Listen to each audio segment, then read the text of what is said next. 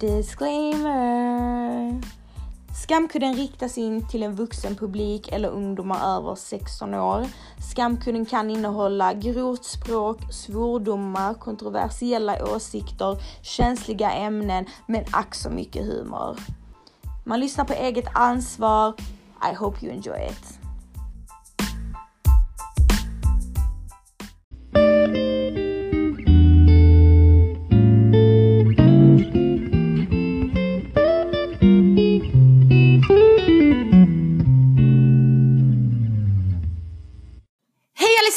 Allesammans och välkomna tillbaka till ännu ett avsnitt av Skamkudden. Nino fick alldeles nyss en hjärtattack när jag skrek hej. Alltså han hoppar precis fem meter.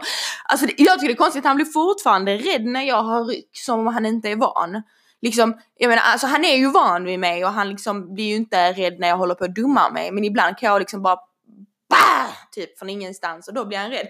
Typ, hade jag varit han hade jag redan varit van men eh, jag antar att man inte kan vänjas vid detta sjukdomstillståndet som kallas för Nathalie. Det är äntligen dags för ett nytt avsnitt. Ni är jättevälkomna. Himla himla välkomna är ni. Eh, när ni lyssnar på detta, eller ni kanske inte, ni, eh, alla kanske inte lyssnar direkt dagen det har kommit ut, men i alla fall dagen där detta, när detta kommer ut är det måndag. Hoppas ni får en bra vecka. Nu kan man ju verkligen säga att nu har ju hösten, i hösten har ju inte entré och det är kallt som in i helvete. Det har blivit jättekallt och problemet är att jag har ingen vinterjacka. Jag har ingen vinterjacka för jag är sån, typ jag, jag köper en ny vinterjacka varje år så jag säljer men jag behåller inte mina gamla. Utan jag säljer mina gamla så köper jag en ny. Men detta året vet jag inte riktigt vad jag ska ha för vinterjacka. Alltså vet ni vad, vad jag har lust med? och bara köpa sån stor fake päls så jag ser ut som en lite, typ som en eh, isbjörn. Fattar ni vad jag menar? Som Nino. Och bara liksom, bara, det ska vara päls innanför, utanför. Och liksom den ska vara skitful men den ska vara knälång, den ska gärna ha en luva och sen that's that. Det är det jag kommer köra på i vinter. Jag kommer typ inte bry mig om utseende eller någonting. Men så andra sidan så köper man en sån kommer man bara, man kommer bara ångra sig för att sen är det liksom, aha okej okay, men nu, nu ska jag gå, gå någonstans. Jag vill helst inte gå i den så jag ser ut som en hemlös. Eh, men eh, ja, så det är mitt problem. Jag skojar, jag har större problem. Men idag är det fredag för mig. Eller det, ja, det är fredag för alla andra också. Eh, det är fredag, jag är långledig. Så därför passar jag på nu och sitta lite när jag är hemma själv och podda lite. Och ja, jag tänkte prata om flera saker i detta avsnittet. Flera, flera saker. Men det tänker jag inte spoila, så det är bara att lyssna. Det är bara att slappna av, lufta vaginan och lyssna på detta.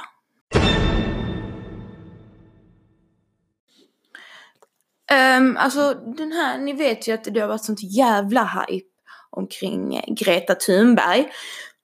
Och eh, för er som inte vet vem Greta Thunberg är, vilket är väldigt konstigt, gumman vilken sten har du sovit under? Men det är i alla fall en 16-årig eh, klimataktivist, som man kan kalla henne det. Um, som eh, åker runt i världen och hon har varit på FN-möten och besöker både den ena och den andra presidenten och hon har fått jättemycket uppmärksamhet för hennes aktivism och hur hon då Eh, försöker lyfta klimatfrågan och hon är, väl, hon är väldigt, väldigt eh, eh, engagerad och hängiven eh, sitt ämne. Hon, eh, hon eh, jag tror om jag inte har riktigt fel, så har hon autism också. Jag vet inte, jag, har inte, jag är inte jätteinsatt i henne. Men jag vet att det har varit mycket hype kring henne.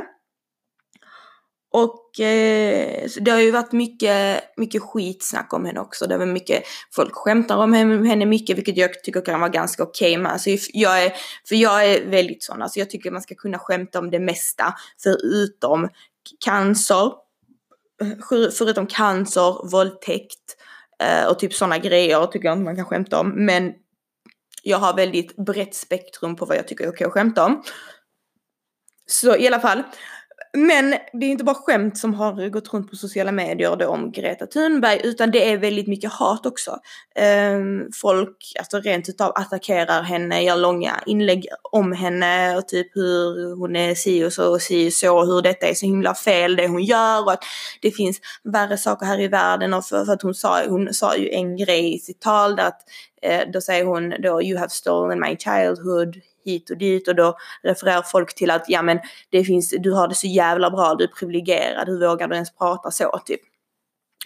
Och eh, jag menar jag kan se bådas perspektiv här. Jag kan se, jag kan se varför, jag förstår på ett sätt varför Greta sticker i folks ögon. Ehm, det gör jag. Men det är viktigt, och det är därför jag tar upp detta nu, det är viktigt att försöka se det stora hela i detta. Och att det här är en, för det första när man sitter och, och, och är elak mot henne på sociala medier eller helt enkelt försöker sänka det hon står för, det är en 16-årig tjej vi pratar om. Um, och för det andra, det, det har ju irriterat, detta har irriterat mig som fan, det här hatet mot henne.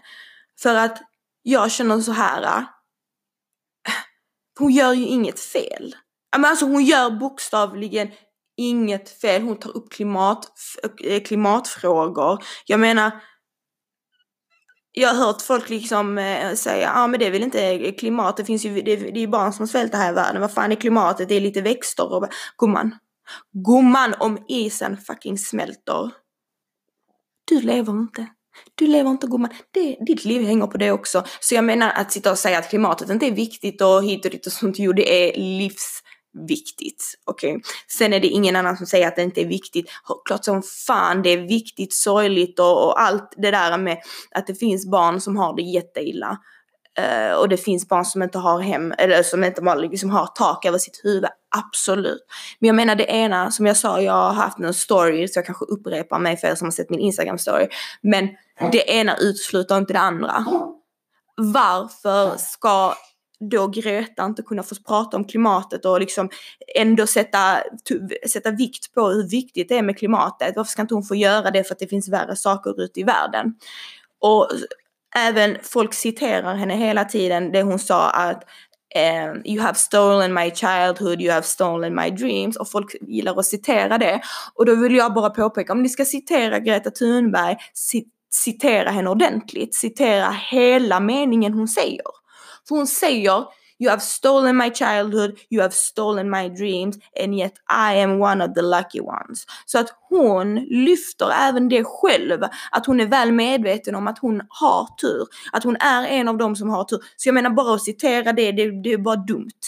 Så typ citera henne och sen så jag kan inte hitta anledningen. Sen så, om ni har något emot Greta Thunbergs mamma, för att det är ju många som säger ah, det är hennes jävla mamma som tvingar henne till detta och detta och detta. Okej, okay, men då är det ju ändå inte Gretas fel. Jag kan inte säga, kommentera någonting om hennes mamma, för jag har inte läst, som sagt, jag har inte läst på gällande detta. Men om vi nu ska prata bara om Greta så är hon jävligt cool. Hon är jävligt tuff. Vi lever, vi lever i en värld där dagens 16-åringar, de förlovar sig och föder barn. Och här ser vi en 16-åring som kanske andra 16-åringar kan se upp till. Och då blir hon, då blir hon liksom bashad och hon blir, jag menar vad sätter detta för signaler till andra unga tjejer som har någonting de brinner för, som vill stå ut, eller liksom som vill sticka ut ur mängden, som vill ja men stå för någonting. Det här, alltså folk skrämmer ju iväg alla unga tjejer för att det är liksom, här är det att du kan, du kan stå för en sån bra sak som klimat och verkligen inte göra en fluga för när och ändå bli så jävla attackerad. Alltså vad, vad fan är logiken i detta? Sen idoliserar, id, id, man idoliserar.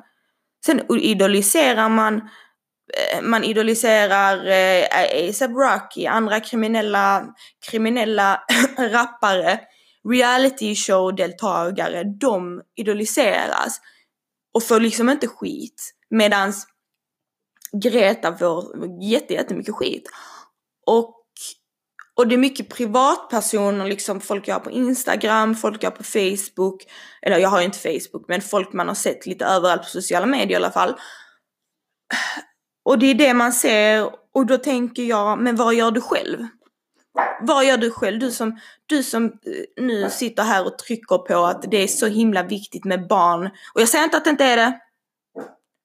Men att liksom att det är det eh, världs, världsledarna ska ta tag i och det är svältande barn hit och dit och sånt. Du sitter liksom och, och trycker på det och, och, och förnedrar Greta och vad hon gör. Men vad gör du själv? Har du någonsin varit fadder? Har du någonsin donerat pengar? Har du någonsin skickat ner pengar till Syrien? Skickat ner pengar till Palestina? Jag kan slå vad om att du aldrig har gjort det. Och eh, jag känner själv att jag har velat göra mer. Jag är faktiskt fadder till en flicka i Sudan. Inte för att jag vill skryta om det eller något sånt. Men där känner jag ändå, då har jag i alla fall försökt göra lite med dessa personerna som inte, jag menar jag känner att även jag, jag är ingen position överhuvudtaget att, att eh, kommentera vad Greta gör och det är fan inte andra heller. Så jag tycker man ska tänka efter lite. Jag menar, det finns säkert flera av er som lyssnar på mig nu som har lagt ut saker om Greta och jag förstår, jag förstår för det är den första tanken man får när man hör slash ser henne och det är lite så man blir lite skeptisk och detta är nödvändigt och sånt men om ni tänker efter, tänk efter i det stora hela att det är, hon gör inget fel och hon förtjänar faktiskt inte hat. Det gör hon inte. Och hon är en förebild för unga tjejer, tycker jag. Och just nu 2019 så behövs sådana förebilder till unga tjejer. Eh, att man ska kunna stå för den man är och, och liksom sånt. För att jag vet, jag vet hur tufft unga tjejer har det i dagens läge med alla dessa appar, med sociala medier. Jag vet att jag har många Shoutout till er tjejer där ute som är 15-16. Jag vet att jag har många som lyssnar som är i den åldern. Och jag, jag vet och jag ser att det är jättesvårt. Det är väldigt, väldigt svårt att passa in. Det är därför liksom folk eh, mal, maler ju hela tiden om att ah, men alla ser likadana ut och alla ser likadana ut och alla ser likadana Men alltså varför tror ni det är så? För att man får inte se annorlunda ut för då blir du då blir du utpekad då blir du inte liksom accepterad eller, ni fattar vad jag menar, eller du blir det men jag tror att dagens ungdomar har fått den uppfattningen. Så då är det ju inte konstigt att de flesta klär sig likadant och pratar likadant och ser likadana ut för att de är rädda att de inte ska kunna passa in. Så därför tycker jag ju fler ju fler lite mer udda människor som får komma till rampljuset och ju fler folk som går sin egna varv, som får sin röst höjd, ju fler ungdomar är det som ser på detta och, och, och får lite mod. Så jag tycker att ni ska vara, jag vill sända ut detta meddelande till allihopa. Jag tycker ni ska vara, tänk efter, tänk efter att det är faktiskt en bra grej med Greta Thunberg. Var inte elaka. Var inte elaka för att det, detta, detta är något vi behöver väldigt, väldigt mycket. Och jag menar nu är det inte bara svart och vitt typ att hon nu, att hon är värdelös om hon inte löser alla de problemen. Det handlar inte om, om det utan det handlar om så mycket mer än detta. Som jag säger, både signalerna hon sänder ut, att hon är en förebild, liksom att hon att hon visar att en, en enskild person kan göra nytta. Eh, det är det som är, så hon gör ju flera bra saker på samma gång. Så tänk på det allihopa så fortsätter vi detta avsnittet.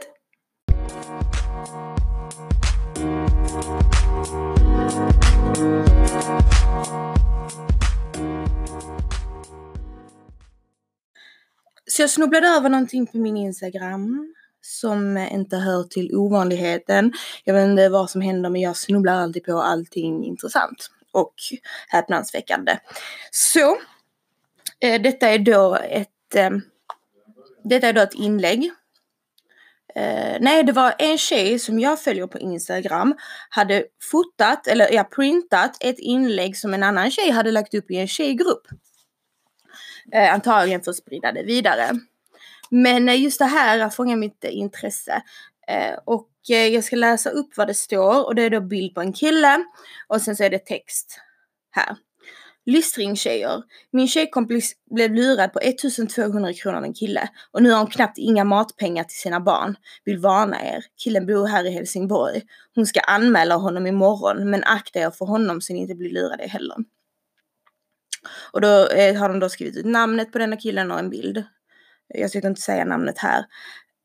Um, och jag ska läsa upp det en gång till. Lyssna noga. Lystringtjejer. Min tjejkompis blev lurad på 1200 kronor av en kille. Och nu har hon knappt, eh, nu har hon inga matpengar till sina barn. Vill varna er. Okej, okay? låt det marinera nu lite. Eh, och då, när jag läste detta så tänkte jag okej, okay, så tänkte jag hur fan, typ hur har hon lyckats bli lurad? Alltså typ jag vill veta hur hon har blivit lurad på dessa pengar. Mm, så jag, eh, så jag, vad heter det, printar inlägget och eh, lägger ut min Insta och frågar om någon vet. Och eh, då fick jag svar ganska snabbt. Då var det en tjej som hade printat då från en grupp där eh, hon där tjejkompisen som då skrev inlägget hade förklarat varför. För det var någon som frågade hur blev hon lurad och då svarade hennes tjejkompis. Han skrev att han behövde pengar snabbt och att han skulle ge tillbaka pengarna. Men han gjorde aldrig det och han har blockat henne överallt nu. Hon har inga pengar till mat nu. Alltså vänta lite. Förlåt mig, alltså förlåt! Men det är inte synd om henne. Det är verkligen inte synd om henne and here's why. Du får fucking inte vara så jävla blå som... Oh! Hur jävla blåst är du? Hur jävla... Alltså vad har du för prioriteringar i ditt liv som lånar ut dina sista matpengar? Dina sista matpengar, vet du vad som är värst av allt? Att du har barn att tänka på. Du har barn att tänka på ändå. Så prioriterar du att låna ut pengar, dina sista pengar till en kuk.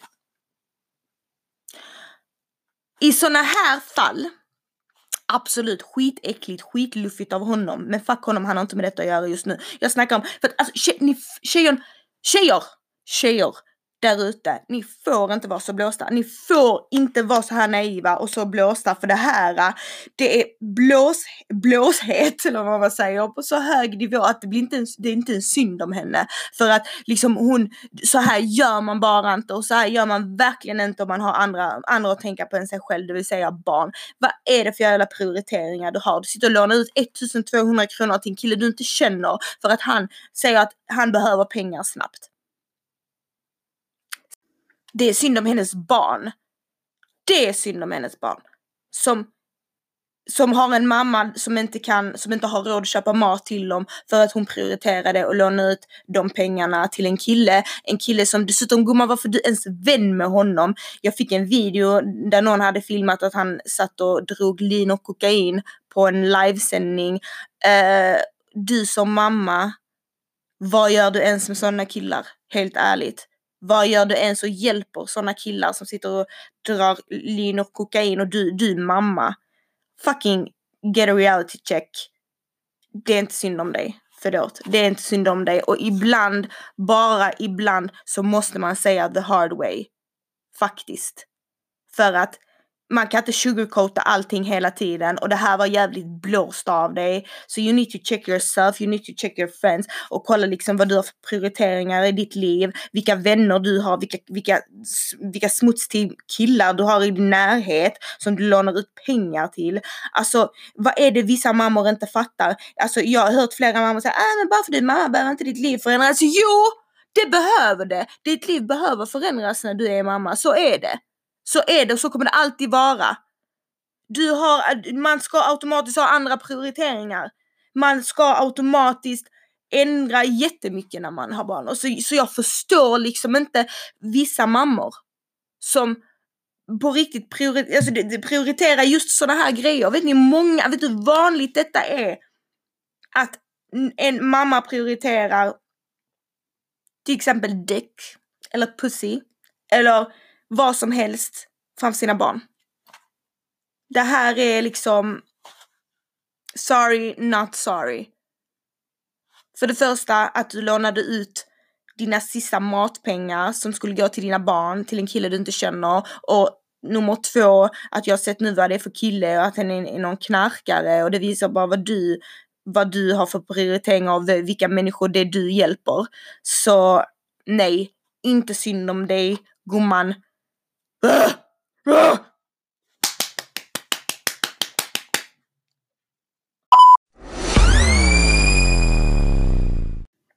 Tänkte jag ska läsa upp en anonym fråga här. Eh, och det lyder så här. Hej, jag har en fråga. Vad tycker du om att vara i ett förhållande med någon som har barn sedan tidigare? För jag har börjat träffa en som har några barn. Jag inte ett barn utan fler. Även allt drama med deras psykobabymamma som gör allt för jävlas och förstöra. För mig kan jag känna att det blir för mycket ibland. Hade du kunnat vara med någon som har barn sedan tidigare? Tänkte om jag borde stanna eller om jag borde lämna och försöka hitta kärlek någon annanstans med någon utan barn. Hade jag inte älskat älskat honom så mycket som jag gör hade jag sprungit för länge sedan. PS du är grym, älskar att lyssna på dig, kram. Mwah! Tack så mycket för din komplimang. Um, ja du, det är väldigt, väldigt svår fråga. Alltså jag, jag har tänkt på detta innan. Um, och det beror helt på hur, han, hur är han jämt, gentemot sina barn? Träffar han sina barn? Eller är han ointresserad av sina barn? För är han ointresserad av sina barn, alltså är han mer intresserad av dig än i sina barn, då hade jag rekommenderat att inte fortsätta saker med honom för att det, detta är ett, ett misstag väldigt, väldigt, väldigt många mammor gör, eller mammor, tjejer gör och det är att de blir tillsammans med dessa killarna som har barn, som inte bryr sig om sina nuvarande barn och de blir gravida av, dess, av dessa killarna och sen så får de en chock. För de tror att, ja men det är mitt barn, det, då kommer han ju älska, han kommer ju älska för det är mitt barn, han är ju med mig och liksom hans andra barn är hans exbarn och därför älskar han Alltså du vet så att man har lite det tänket att bara för det är mitt barn med honom kommer han typ älska det barnet mer. Och sen så kommer den chocken när det visar sig att killen kommer ditcha lika mycket ditt nuvarande barn som han gör sina egna barn. Så därför säger jag att eh, kolla hur han är, är han, är han vill han vara med sina barn, älskar han sina barn, då är det ju positivt. Det är inget som säger att, alltså så här är det, en kille med bagage är bagage. Du kan inte ändra på det. Du, du måste antingen köpa hela grejen för det ruttan som det är eller lämna det helt. Du måste också tänka att okej, okay, förhoppningsvis hans barn kommer ju vara en del utav honom hela hans liv och det är ingenting jag tycker du ska försöka ändra eller alltså pusha bort. Utan han är pappa, that's it. Uh, och sen så har ju barnen faktiskt en mamma och hon kommer också vara där automatiskt hela livet. Och hittar du inte då ett sätt att ändå kunna finnas där någonstans mitt emellan och hitta din egna plats i den smeten så kommer det bli väldigt, väldigt svårt. Um, som du säger, hon är, hon är, det finns ju jobbiga baby mamas. Och eh, eh, det kan jag förstå. Samtidigt så tror jag också det är mycket i början innan allt har eh, eh, lagt sig och, och sådär. Ja, det är väldigt, väldigt svårt. Jag personligen, alltså det är svårt att säga, det är jättesvårt att säga. Det beror helt på hur länge de har jag hade nog haft svårt att bli tillsammans med någon som har fler än ett barn. För då hade jag känt att han har den långa, långa, långa historien med någon annan. Och och är den babymamman för jobbig så hade jag nog inte pallat med det huvudvärken i heller. För att i slutet av dagen så kommer jag kan inte ta hennes plats. Det är ju, alltså hon är ju mamma till hans barn och det kan jag, kommer jag aldrig kunna ändra på. Och hon måste ju varken om, även om de vill eller inte vill så måste ju de vara del av varandras liv. Så det är väldigt, väldigt, väldigt, jag, jag tror inte jag hade pallat det. Eh, men som sagt, kärleken övervinner allt. Älskar ni varandra jättemycket och han vill vara med dig och, och han är beredd att eh, för det kommer ju kunna, det kommer ju, det behöver ju nog gå en ganska lång tid innan alla har hittat sina roller och är bekväma i sina roller och som plastförälder, styvförälder och babymamma, hela den där skiten. Och det lär ta tid och det lär vara, lär vara väldigt, väldigt jobbigt. Men som sagt, alltså hur gammal är du? Är du i 20-årsåldern så hade jag ändå faktiskt sagt att gumman, vet du vad, det finns mycket mer fiskar i havet. Jag tror nog det är bäst för att det är liksom, det det hade varit en annan, annan femma om du själv hade haft barn sen innan och du också har liksom gått igenom hela den grejen. För då har ni liksom en, då har ni kanske samma prioriteringar medan du, alltså jag tror det blir roligare för dig att hitta det här, äh, uh, ni, ni, hitta kärleken med någon som kanske inte har barn. För att då får ni uppleva allt det där tillsammans medan han kanske redan är klar med det. Han har fler än ett barn, han är klar med att ha barn, han har haft förhållande, liksom han vill ha Alltså det är mycket sånt också att tänka på. Vill ni samma saker i livet? Kommer han palla att ha, vi säger nu om han har tre barn av henne, ytterligare två barn av dig, kan, klarar han av att ha fem barn? Förstår du vad jag menar? Så det är mycket sånt att tänka på och är du i 20-årsåldern så rekommenderar jag dig ändå att faktiskt titta dig runt efter något annat för att, efter något annat, men du fattar vad jag menar, för att det kanske inte det helt optimala. Sen visst, det kan bli jättebra, det säger inte jag, men, men om, om du, som du redan säger, att det är liksom eh, babymamman är väldigt svår att ha att göra med och sånt så eh, är det lite omoget tänk i situationen så kan det bli ganska messy. Men samtidigt så vet jag många Eh, men detta är oftast svenskar. Svenskar är oftast mycket, mycket duktigare på, på att hålla sådana här situationer ganska bra. De är väldigt duktiga med, med plastmamma, plastpappa, bonusfamiljer och, och du vet, de kan ändå kommunicera med varandra. Nya tjejen med babymamman kan prata, läm hämta, lämna på dagis. Alltså de har med det där eh, medans eh, Medan oftast i, folk med invandrarbakgrund har, jag vet inte, sköter det på ett helt annat sätt. Så eh, nej, men eh, det var jag hade. Jag hade nog inte pallat det. Det är inte vad jag hade typ sökt efter riktigt. Även om jag hade tyckt om honom så hade jag ändå eh, för mig själv velat ha något annat och, och ehm, jag hade inte orkat med, med en babymamma. Det hade jag inte. Så tänk, eh, Marin, eh, eh, sug på den lilla karamellen ett tag till tycker jag. Och, eh, och du kommer absolut hitta någon som passar dig. Jag menar det är inte, det är inte ovanligt, man träffar folk hela livet och så denna passar inte här, och den andra passar inte där och jag menar det är en del utav livet. Så, och tänk så här att eh, varken hans barn eller hans babymamma är något tillfälligt, tillfälligt och det de kommer ju vara där hela ditt liv. Så, och det är ingenting du kan ändra på. Så du får suga på den lite extra. Mwah.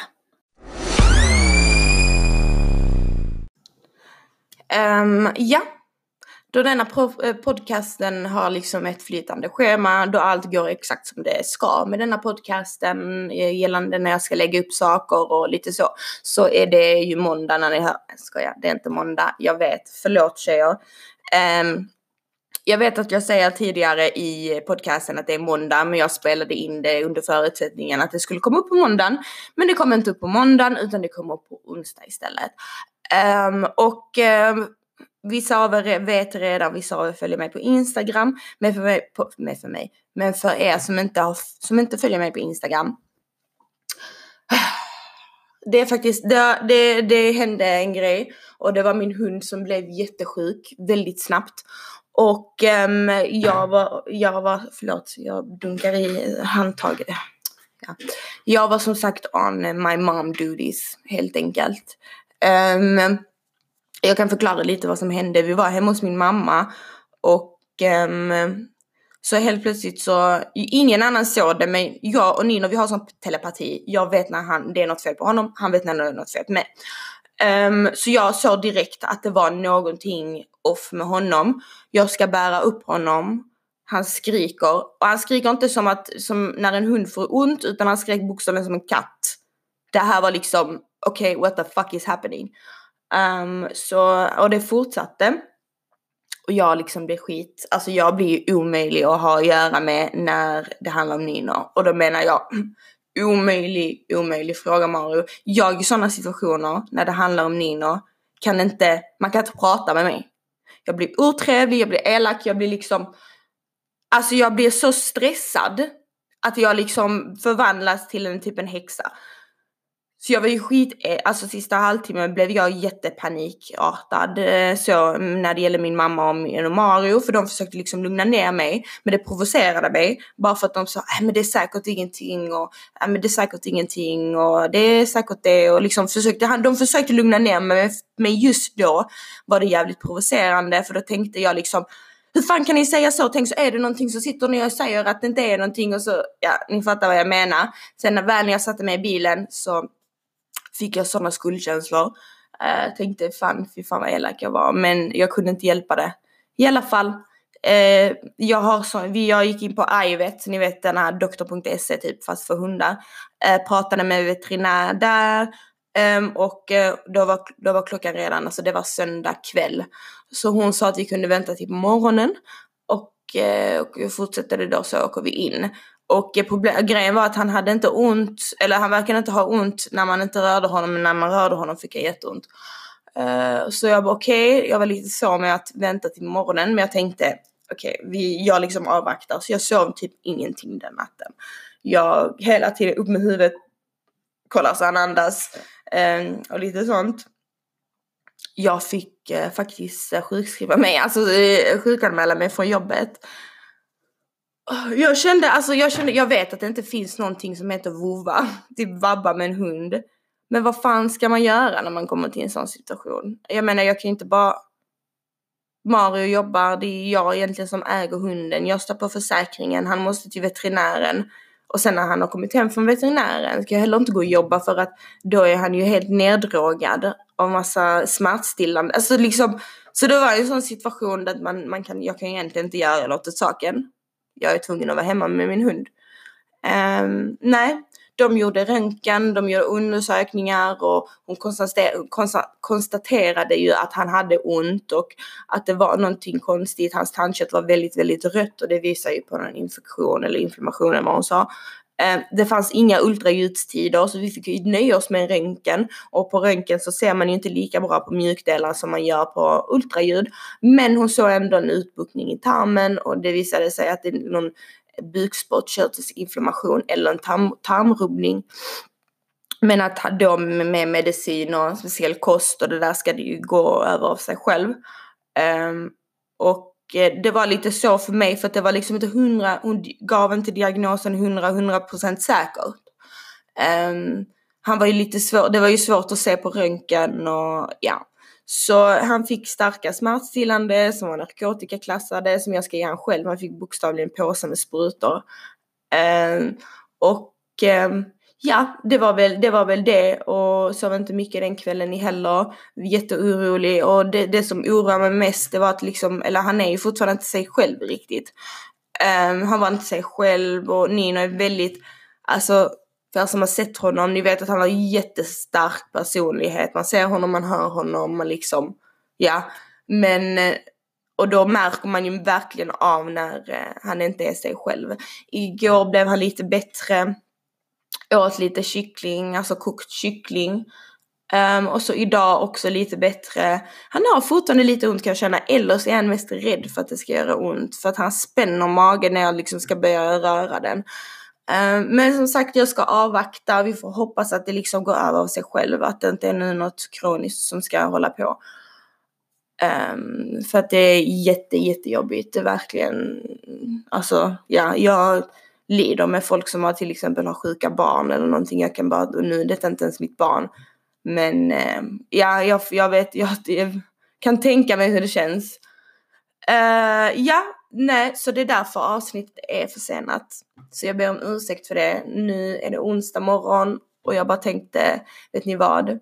Jag ska sätta mig nu och jag ska podda lite och jag tänkte så här som en, som en liten ursäkt till att podden är sen så tänkte jag att vi kan förlänga podden och eh, vi gör det till ett ännu längre avsnitt. Så nu eh, under tiden, alltså söndag till idag, så har det kommit flera frågor och några har skrivit och jag har lite, kommit på lite annat att snacka om. Så jag tänkte att vi kan ha lite ett extra långt avsnitt. Eh, så allt liksom flow together. Yes!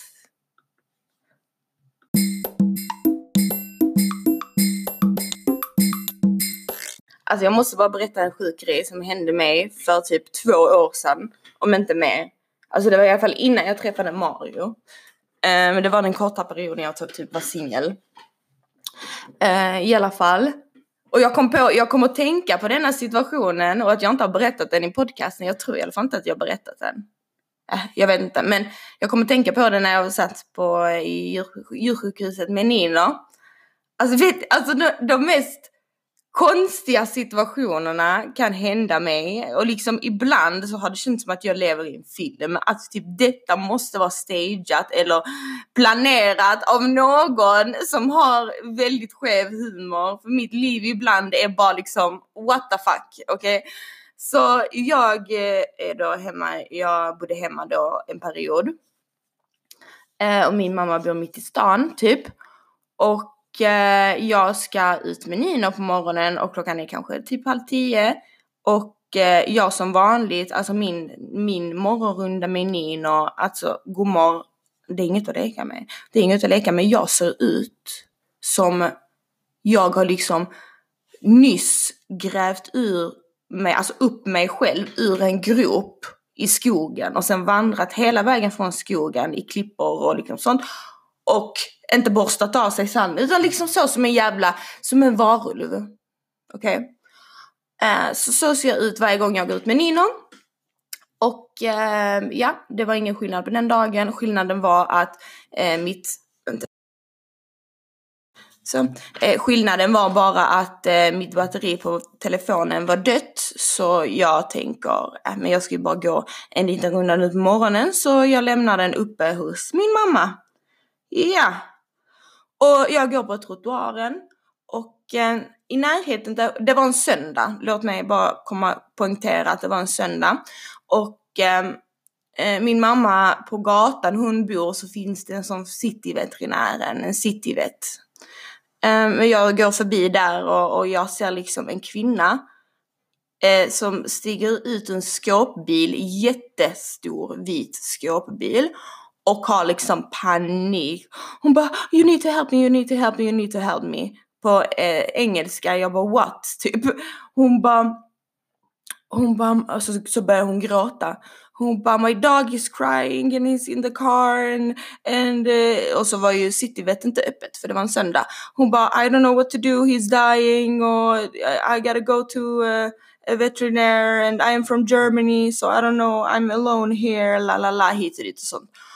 Och eh, jag bara okej, okay, let's go, hold my poodle. Så jag typ ger, Nino, ger henne Nino och så går jag in i hennes skåpbil. Alltså jag är i pyjamas. Har jag sagt det? Nej, jag är i pyjamas. Jag är i, fort, alltså i pyjamas, sådana fula jävla pyjamasar för 50 spänn. Jag har liksom inget löshår, jag har gammalt zink överallt. Alltså så ser jag ut. Och jag, men jag får liksom inget, det var det första tanken som kom till mig att hur ska jag beskriva till en tysk turist vad ett djursjukhus är? Så jag bokstavligen hoppar in i förarsätet eh, hon bredvid, en flåsande stackars döende hund där bak. Och vad jag såg så hade hon ju massa grejer som tydligen är någon kampare eller någonting sånt, typ hon kampar runt. Och hunden stackaren, du vet, flåsar där bak och hon bölar och jag bara, alltså händer detta på riktigt? Och det är ändå bit till djursjukhuset. Jag kör liksom så fort jag kan. Och vad heter det, ja vi kommer till djursjukhuset och jag liksom springer ut ur bilen, tar med mig Nino och jag bara typ vrålar där inne i sjukhuset. Jag bara kom hit, vi behöver en bår, vi behöver hjälp. Vi gör sån drama och typ folk börjar springa ut och hon bölar och de springer in, de tar hunden, springer in, hon springer in snabbt med dem och där står jag på djursjukhuset på andra sidan stan i pyjamas i pyjamas, i tofflor, med min hund utan mobil. Ingenting. Och jag tänker på mig, för mig själv, hur fan hamnar jag här? Jag skulle fucking bara ut med min hund, hur fan hamnar jag här alltså? Och eh, så jag fick fråga efter en telefon om jag kunde ringa min mamma, så jag ringer min mamma. Jag bara, mamma jag vet att detta kommer låta jättekonstigt och du bara kommer bli chockad, men just nu så befinner jag mig på djursjukhuset. Jag var tvungen att åka iväg med en kvinna eh, och hjälpa henne.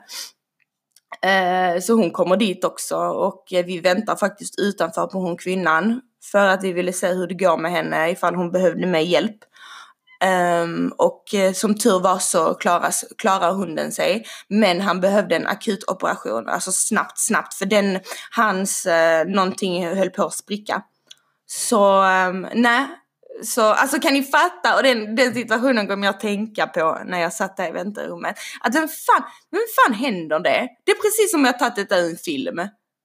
Alltså bokstavligen. Och det sjuka av allt är att det var en stor skåpbil. Jag har aldrig kört en sån skåpbil innan. Det var ändå väldigt speciellt. Jag sagt, det var som en liten lastbil. Satt högt och liksom så men typ det adrenalinkicket inom mig gjorde så att jag körde det utan problem. Helt jävla sjukt. Alltså jag fattar inte, äh, jag fattar ingenting. Ja, det var verkligen den man gjorde och tänkte, men sen egentligen, ja, man kan inte ha hjärta och bara hon, låta henne vara. Jag, jag tänkte själv hur fan jag hade varit i den situationen. Jag är i ett främmande land med Nino och han är liksom dödssjuk och jag hittar inte till veterinären och hit och dit och sånt. Så ja, nej, det, det var det jag tänkte på. Ah. Story of my life. Story of my life. Vi kör vidare med en fråga. Och den lyder som så här. Jag bjöd ut en vän på middag i en restaurang i augusti. Jag bokade bord och allting. Fixade mig inför kvällen och hade liksom planerat att spendera kvällen med henne. Vill tillägga att vi bestämde detta en vecka tidigare. Så hon kunde planera allt i förväg. I sista sekund skriver hon till mig att hon tyvärr inte kan komma. Jag ringer då en annan vän och går ut med henne. Skriver sen till tjejen som inte kunde komma att vi kan ses någon annan gång. Var besviken men inte arg. Nu har det gått mer än en månad och hon har inte ens skrivit ett hej eller frågat hur jag mår. Ska jag skriva och fråga vad fan hennes problem är eller ska jag kasta henne och låtsas som ingenting? Vill tillägga att när vi bestämde oss för att ses så var hon jätteglad att vi skulle ses. Men sen bara slutade hon helt att höra av sig. Har med flit inte skrivit för att se när hon tänkt höra av sig igen vilket aldrig hänt. Vad tycker du? Alltså, ja men obviously så är det, finns det ju något i, i hennes liv som kanske tar hennes uppmärksamhet just nu. Jag vet inte om ni annars pratar mycket eller annars har mycket kontakt för då kan du ju alltid fråga henne typ eh, jag har inte hört av dig på länge, WhatsApp, har det hänt något? Om du, om du tänker mer på det, typ att hon skulle ha någonting hon stör sig på eller något problem så tycker jag absolut du ska ta upp det. Men att jag menar eh, om, om det är bara liksom för att typ få hennes uppmärksamhet så tycker jag inte du ska skriva, jag menar då kommer hon höra av sig när hon vill höra av sig. Och så kan det ju också vara det här att hon kanske inte alls tänker så som du. Alltså nu, om, du, om hon nu hade liksom vetat typ hur du känner, hur du ser på saken så kanske hon hade blivit med oh my god menar du allvar? Jag tycker inte alls så, jag, ty jag tycker om det. Alltså ni, ni, du förstår vad jag menar. Att det kanske inte alls är samma situation i hennes huvud mer än att hon Ja men typ så, det finns, man har ju sina perioder ibland, man hör inte av sig till sina vänner eller ja gud vet vad. Så att det är inte exakt det, liksom, det är inte, eh, hur ska jag säga det? Det är inte medvetet. Förstår du? Det kan mycket väl vara så. Um, sen förstår jag absolut, jag förstår att du blev besviken och sånt om du hade planerat den dagen och, och sen att hon inte hör av sig. Det, det är inte så jättekul.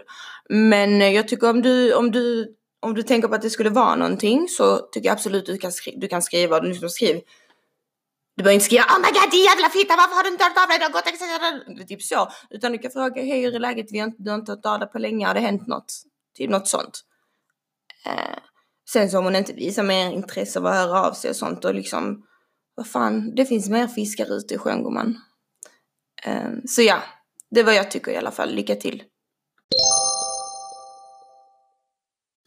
Hej! Jag har sån ångest för framtiden. Jag hoppade av skolan på grund av min ångest. Jag mådde inte alls bra de perioderna så jag hoppade av gymnasiet och studierna gick åt helvete. Nu jobbar jag på en fabrik men jag är rädd att fastna här. Jag vill börja plugga men vet inte till vad och när. Jag är så osäker på vad jag, vad jag vill och känns som jag inte riktigt hittat mig själv. Många påpekar att det är dåligt för att jag har hoppat av och att det gör mig ledsen för den förstår inte anledningen bakom att jag inte mått bra psykiskt, inte psykiskt, psykiskt, jag vet jag säger fel. Eh, och jag vet inte om mitt psyke kommer palla skolan igen. Vad är, tips till, eh, vad är ditt tips till mig? Kram finner du. Och kram på dig med gumman. Um, alltså jag tycker så här. Uh, jag tror ingenting kommer komma Inget bra kommer komma ut av att du pushar, pushar dig själv för mycket och att, att det är liksom det är um, press från dig själv som gör så du fattar olika beslut utan jag tycker så här eh, du ska absolut inte vara stressad. Jag kan säga majoriteten av sjuksköterskorna på mitt jobb har, eh, gick till sjuksköterska efter de var 35. Alltså förstår du?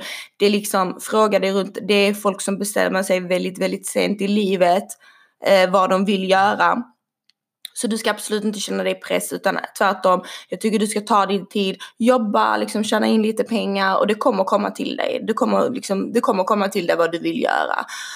Um, men jag tror att du kan blockera det mycket i och med att du i och med att man liksom pressar sig själv och man ser alla andra och de gör det och hon pluggar det och hit och dit sånt. Det är helt normalt att inte veta vad man ska göra, vad man vill göra.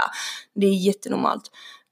Um, sen så Sen så tycker jag att du ska köra liksom, kör, eh, kör lite åt gången och ta inte allt på så jättestort allvar. Jag menar, det är jättebra idé att vilja börja plugga igen. Det är I'm all for that liksom. Det är skitbra.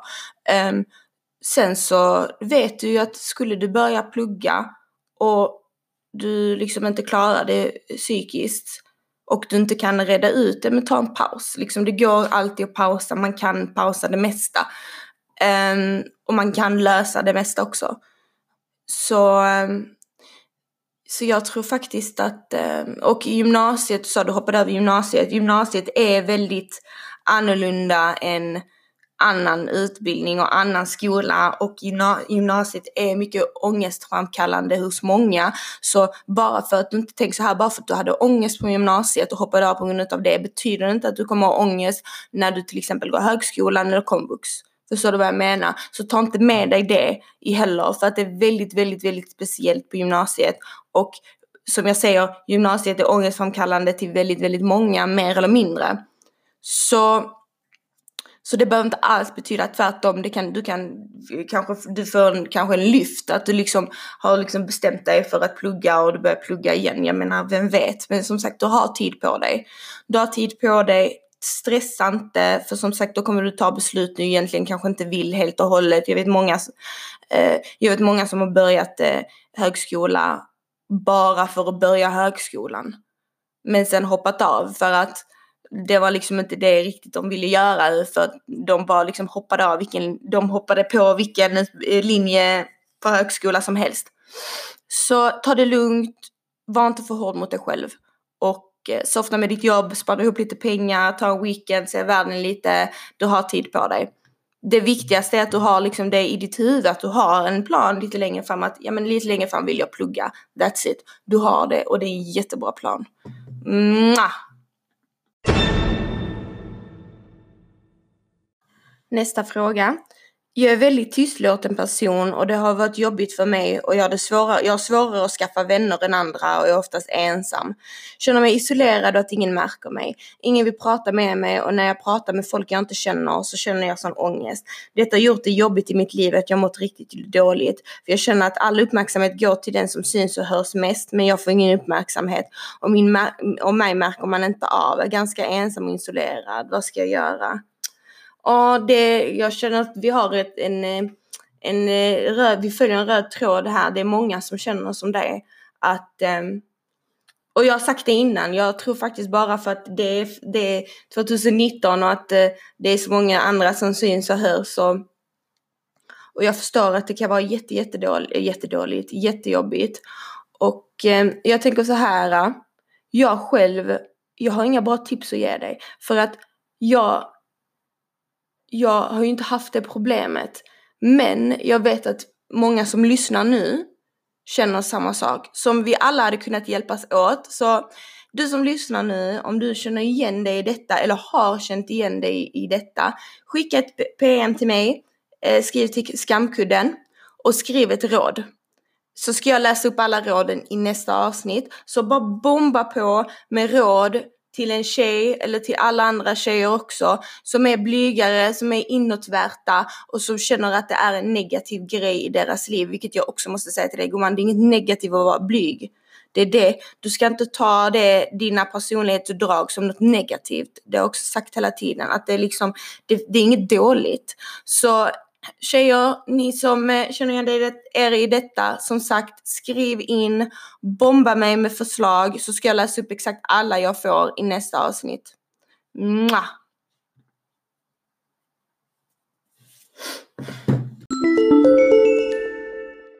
Nästa.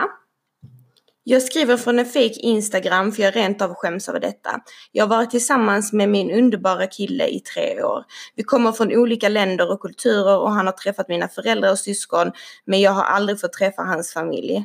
Jag är bla bla bla och han är bla bla bla. Det är deras åldrar som jag inte skulle läsa upp högt.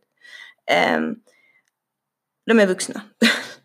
har, all, har alltid haft en massa anledningar till varför han ej kan ta hem. Eh, dels för att han är vågar berätta och för att han säger också så fort man presenterar för familjen så betyder det giftmål direkt.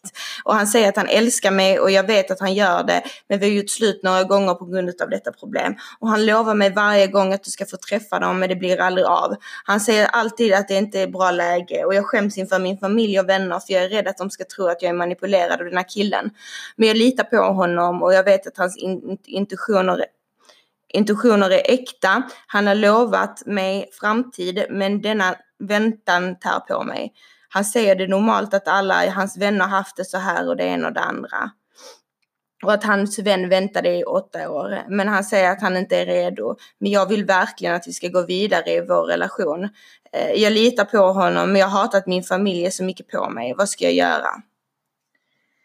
Eh, älskar din personlighet och din podd, du är bäst. Fortsätt vara dig själv. Åh, tack så jättemycket gumman. Tack, värmer. Eh, alltså, ja. Jag förstår dig. Eh, ni har varit tillsammans i tre år, du vill ta, ta det till nästa nivå och han eh, känner sig inte redo.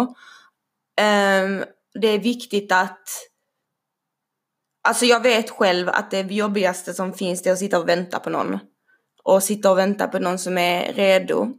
Men samtidigt så är det ju bra att han är ärlig med att han inte är redo. Att han, liksom han, han gör inte det bara för att och sen så flippar han ut när ni, när ni binder er. Eh, jag förstår att du vill träffa hans familj och, alla sådana grejer. Eh, jag undrar, alltså ser han, vill han i framtiden ha något med dig att göra? För att jag tror att Samtidigt som att, okej okay, han är inte redo, men man måste ju också kunna kompromissa om det är så att ni har, ni har eh, olika kulturer du kanske kommer från en kultur där, eh, där du, alltså du måste typ bli tagen seriös för att det ska vara okej. Ehm, okay. Då, då borde han ju också kunna förstå det lite och att ni kommer, ni kommer fram till en lösning. För att, nej, jag, sen så ja, du älskar honom men du, ni måste också se till att ni är på samma sida utav boken. Att liksom han inte önskar något annat om några år och du, och du önskar det en sak. För då är liksom, då är det inte, för det är många som är tillsammans fastän de inte har samma eh, framtidsplaner eller de har inte samma prioriteringar. Jag menar, eh, din prioritering kanske är att binda sig och skaffa barn medan hans prioriteringar är något annat och där krockar det. Och då till slut så blir du bara sårad själv för att som sagt det, det är skitjobbigt att vänta på att någon ska växa upp. Det är jättejobbigt att vänta till att någon ska vara liksom redo för en. Och ibland är det bara enklare att lämna för att man har inte samma framtidsplaner längre. Och jag säger absolut inte att du ska lämna, men jag bara förklarar att, att det är viktigt att man har samma, samma planer. Men jag tycker att, du har ju sagt att du har tagit upp det med honom flera gånger, men för verkligen, verkligen gör liksom en, gör ett fucking möte, ett FN-möte med honom. Säg gubben, sätt dig fuck down! Och så typ säger du att han ska säga fem saker han vill ha inom fem år. Nej men alltså lite sådana grejer. Du måste ha ett viktigt, viktigt samtal med honom. Och, ehm, och han måste förstå att det är ett förhållande, det är inte bara fun and games. Alltså att det är liksom antingen ska vi ha det eller ska vi inte ha det.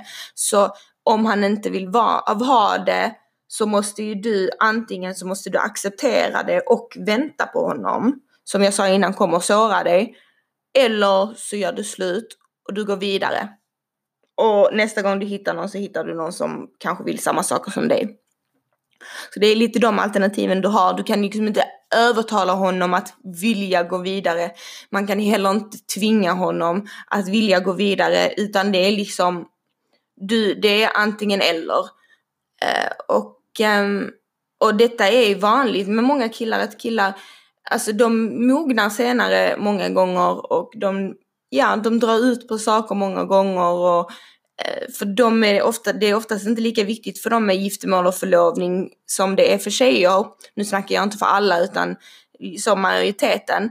Men jag tycker absolut att han ska ändå kunna förstå dig och eh, hur du känner. Så ja, jag tycker att du, nu har du liksom, du har liksom två val. Att, eh, och som jag säger, det finns ingen riktig tidsperiod där man säger, där, där typ, ja men så här lång tid kommer det ta tills han är redo. Det kan ju ta flera år, det kan vara liksom att han inte vill alls. Så du måste, du måste se till så att det är liksom, ja, detta var en av, anle en, av, en av anledningarna till att jag gjorde slut med mitt ex för att jag kände att liksom, nej, det var, det var inte seriöst nog för mig. Uh, så, ja, det är väl det. Är väl det. Så jag säger inte att ni ska göra slut, jag tycker inte du ska göra slut med honom. Jag tycker du ska fortsätta, fortsätta för kärleken. Du säger att han älskar dig, du älskar honom. Men han måste också han måste ju kompromissa lite och han måste förstå dig. Så han måste nu sätta sig ner och tänka efter vad han verkligen vill. Och vad som är viktigt i hans liv just nu. Lycka till gumman. Mwah. Det är ju oktober månad, det vill säga Breast Cancer Awareness Month. Eh, så det är massa på gång, företag gör sin del och, och de eh, har sina special edition grejer som de säljer och ger bort en summa då till Bröstcancerfonden och eh, ja, det är lite rosa här och var och eh, man kan tänka på att kolla, kolla lite, eh, kolla lite, alltså lägga lite mer uppmärksamhet på att kolla efter dessa rosa grejerna som ger eh, något till Bröstcancerfonden för då gör man något bra också. Det finns massa vattenflaskor, det finns, ja man kan köpa den rosetten. Jag ska köpa en rosett tänkte jag, min har blivit sliten. Ehm, så det är viktigt att lyfta och speciellt vi som kvinnor, det är viktigt att tänka på det. Vi måste mogna i vårt tänk och liksom, ja men alltså engagera oss i, oj förlåt, engagera oss i sådana här saker som faktiskt betyder någonting. Um, och som sagt, man är aldrig säker bara på grund av sin, eh, ens ålder. Min eh, första kusin, alltså eh, hon fick ju cancer när hon, vad var hon, vad var hon, 26? Eh, och det var fruktansvärt. Det var alltså, usch, jag kommer ihåg det när hon, och då var hennes minsta flicka, vad var hon, två år kanske. Så det var, det var fruktansvärt och eh, då visste man ju inte vad som skulle hända och då eh, friade eh, hennes kille då till henne när hon hade fått bröstcancer. Och, eh, och då sa hon, men om jag ska gifta mig så vill jag gifta mig medan jag har hår på huvudet. Så eh, det sagt och gjort, det blev ett, ett stort bröllop. De gifte sig och alltså det där bröllopet, det var något av det, alltså det var såklart fint men det var något av det sorgligaste som fanns. Och typ när jag, och folk grät så himla mycket i kyrkan för att de visste om att, alltså de visste om att här, nu är hon sjuk liksom och man vet inte vad som kommer hända. Och jag och hon har alltid varit väldigt, väldigt nära varandra. Så den första hon kom fram och kramade var mig och jag bara liksom storbölar. För jag tyckte det var så liksom fruktansvärt men, som, men ändå liksom fint på samma sätt. Och, och ja, och eh, hon gifte sig och sen några månader efter så, så hade hon ju tappat allt sitt hår. Eh, och eh, hon, fick, eh, hon fick faktiskt ta bort båda brösten. Eh, men idag, tack gud, så är hon frisk. Och ehm, ja, det, det är väldigt, väldigt, väldigt viktigt att eh, känna efter i sina bröst. Hon kände under armhålan typ, kände hon en knuta. Så det är viktigt att känna efter tjejer, känn i duschen, tänk på det.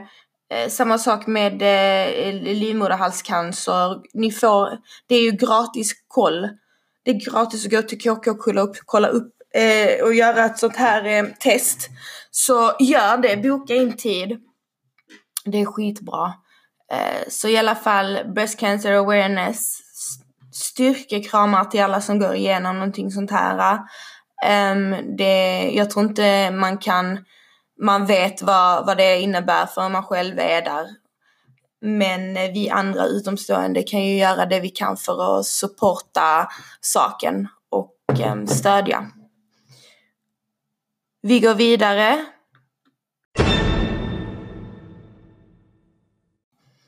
I alla fall, jag påminner igen. Jag vill ha in tips för att som sagt, ni också, jag vet att det är folk som har skrivit in frågor. Eh, ni som också har skrivit angående självförtroende och eh, att, ni, att ni känner att eh, ni inte har något att säga när ni är ute, att ni är väldigt blyga och inåtvärta, att du behöver ni behöver tips. Jag ser det, jag läser era meddelanden. Jag vill nu att mina following lyssnare här, ni alla som lyssnar, snälla ta er tiden, gå in på skamkudden eh, på Instagram och skriv råd till dessa tjejerna vad de kan göra. Vad, vad, är, tips, vad är ditt tips till att till att en tjej ska kunna våga vara sig själv men ändå eh, känna sig lite mer öppen och, och eh, ja, vad som helst som hade varit bra tips till en blyg tjej. Hur startar man en konversation som blyg tjej? Vad ska man tänka på? Vad hjälper att tänka? Eh, hur, hur lär man sig att älska sig själv när det gäller blygheten fast ändå kunna socialisera sig utan att få panikångest. Har ni sådana tips, bomba mig. Bomba mig med tips. Vill ni vara anonyma och ge tips går det också bra. Gå in på Telonym. Eh, länken finns på bi i bion i Instagram. Så det vill jag ha från er. Så jag hoppas verkligen, verkligen, verkligen att vi är många som, eh, som kan ge förslag och hjälpa. För jag har verkligen fått flera meddelanden från tjejer som undrar i princip samma sak. Så jag tycker vi alla kan, eh, kan dra ett stack, ett, dra ett strå, säger man det? Dra ett strå, strå i stacken? Ja, jag vet inte. Ja, och hjälpa detta. Och jag tänkte så här, det är ju halloween snart. Det är ju spooky month nu, eller hur? Det är liksom spökmånaden. Um, kan inte ni skicka in lite spökhistorier till mig? Så om du har någonting som har hänt dig, alltså något övernaturligt, det behöver inte vara värsta grejen, men något du tyckte var creepy. Skicka in det till mig, så läser jag upp det i ett avsnitt så har vi ett lite spooky avsnitt. Där vi snackar liksom ett halloween avsnitt helt enkelt. Så har du en, en historia du vill dela med dig av, en spökhistoria, så skriv in. Det hade varit jättekul att samla ihop några stycken. Jag lovar inte att detta avsnittet blir av för att skriver ingen in så vet jag inte vad jag ska göra av, av, av avsnittet. Men är det några stycken som delar med sig av historier och sånt så kommer jag absolut göra ett eh, spökavsnitt, ett halloweenavsnitt Eh, som jag kan, eh, jag ska lova att fixa och så den blir riktigt bra. Eh, så ja, spökhistorier eller är du ett medium till och med, då kan du också skriva till mig. Eh, ja, lite sådana saker. Har du varit på något spooky ställe någon gång? Eh, har du gjort anden i glaset, anden i flaskan? Har du någon, eh, har du någon historia angående det? Alltså jag har flera historier angående anden i glaset. Alltså Alltså ska jag, ska jag dra, ska jag dra en, en, en av historierna nu eller ska jag vänta? Ska jag dra en nu? Jag kan, okej okay, jag drar en nu. Bara för att ni har fått vänta och avsnittet är sent så ska jag dra en eh, anden i glaset historia. Detta är 100% sant. I promise.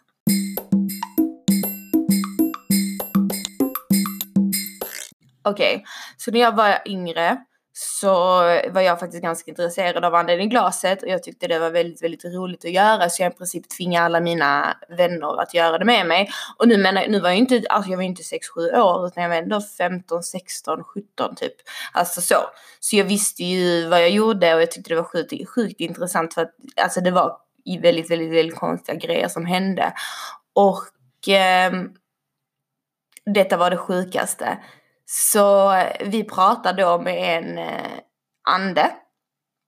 Alltså det glaset rör sig av sig själv och liksom vi har kommit in i samtalet vid den, vid den punkten.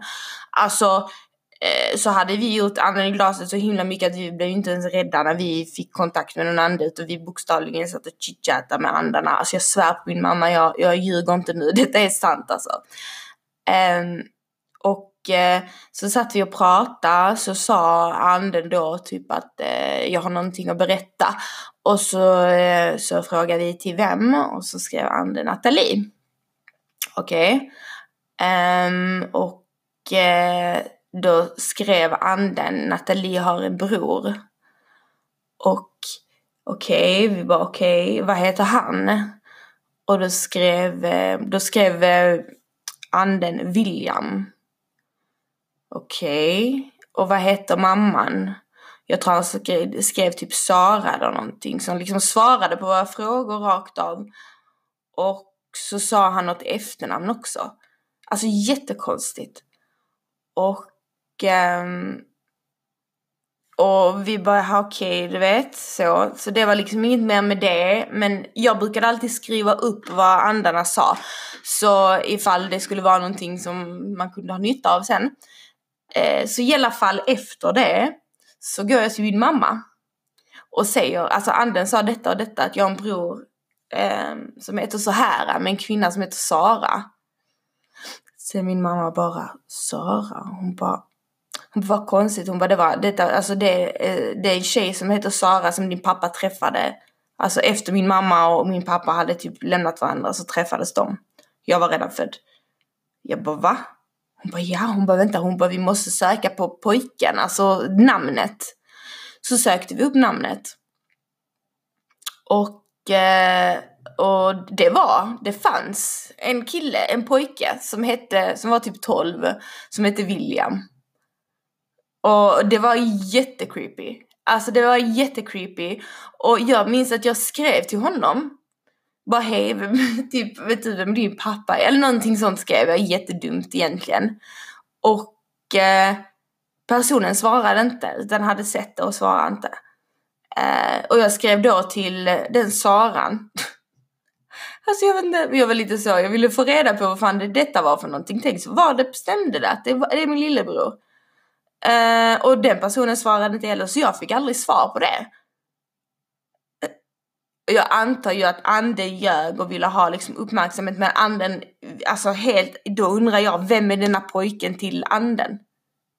Hur, alltså vad har han för koppling till den vi pratade med? För att det var ju, han pratade ju med någon som existerade på riktigt. Och som bodde här liksom i Skåne och som var 12 år och liksom hade mycket möjligt kunnat vara min lillebror. Som jag, alltså så. Så nej, oh my god, det var skitskumt. Det var en av de skumma grejerna som har, som har hänt när jag gjorde anden i, flask, i glaset. Eh, alltså så jätte, vi fick så tydliga svar också. Det var väldigt tydliga svar. Det var väldigt så typ men alltså mycket, mycket, mycket av det som de sa var lögner. Jag testade dem flera, flera gånger. Alltså, och det var mycket lögner och saker som inte hände och liksom typ sådana. Man märker ju att de som pratar i anden i glaset med det, det är ju typ lite clowner eller vad man ska säga. Det är liksom, det är inte våra nära och kära utan det är folk som, ja, det fatt, ni fattar vad jag menar hur mycket jag än hade velat fortsätta sitta och babbla och läsa upp fler frågor och sånt så tänker jag att det är lika bra att jag avrundar detta avsnittet nu. Det har gått en timme. Eh, vi ska ha mer att prata i nästa avsnitt. Eh, tack för att ni lyssnade. Förlåt att den var försenad. Eh, skriv in som vanligt. eh, skamkunden på Instagram. Eh, vad mer, vad mer, vad mer? Ja, Eh, om ni vill eh, skriva anonymt, gå in på www.telonym.me me, slash skamkudden. Kommer det upp en ruta som du kan skriva. Ingen registrering, ingen inloggning, ingen mail, ingenting. Du skriver liksom vad du vill. Inget hat bara. Uh, ja, så det, det är väl det. Det är väl det. Det är väl Fanta Marie! Oj, förlåt. Alltså jag har lite mycket energi. Så jag måste bara få ut mig. Oh my god, Nino blir skiträdd. Ja. I gotta go. I better go now. Nu ska jag eh, lägga på lite smink mitt ansikte. Sen ska jag gå och jobba kväll. Eh, som sagt, tack för att ni lyssnar. Älskar er jätte, jättemycket. Puss och kram. Hejdå.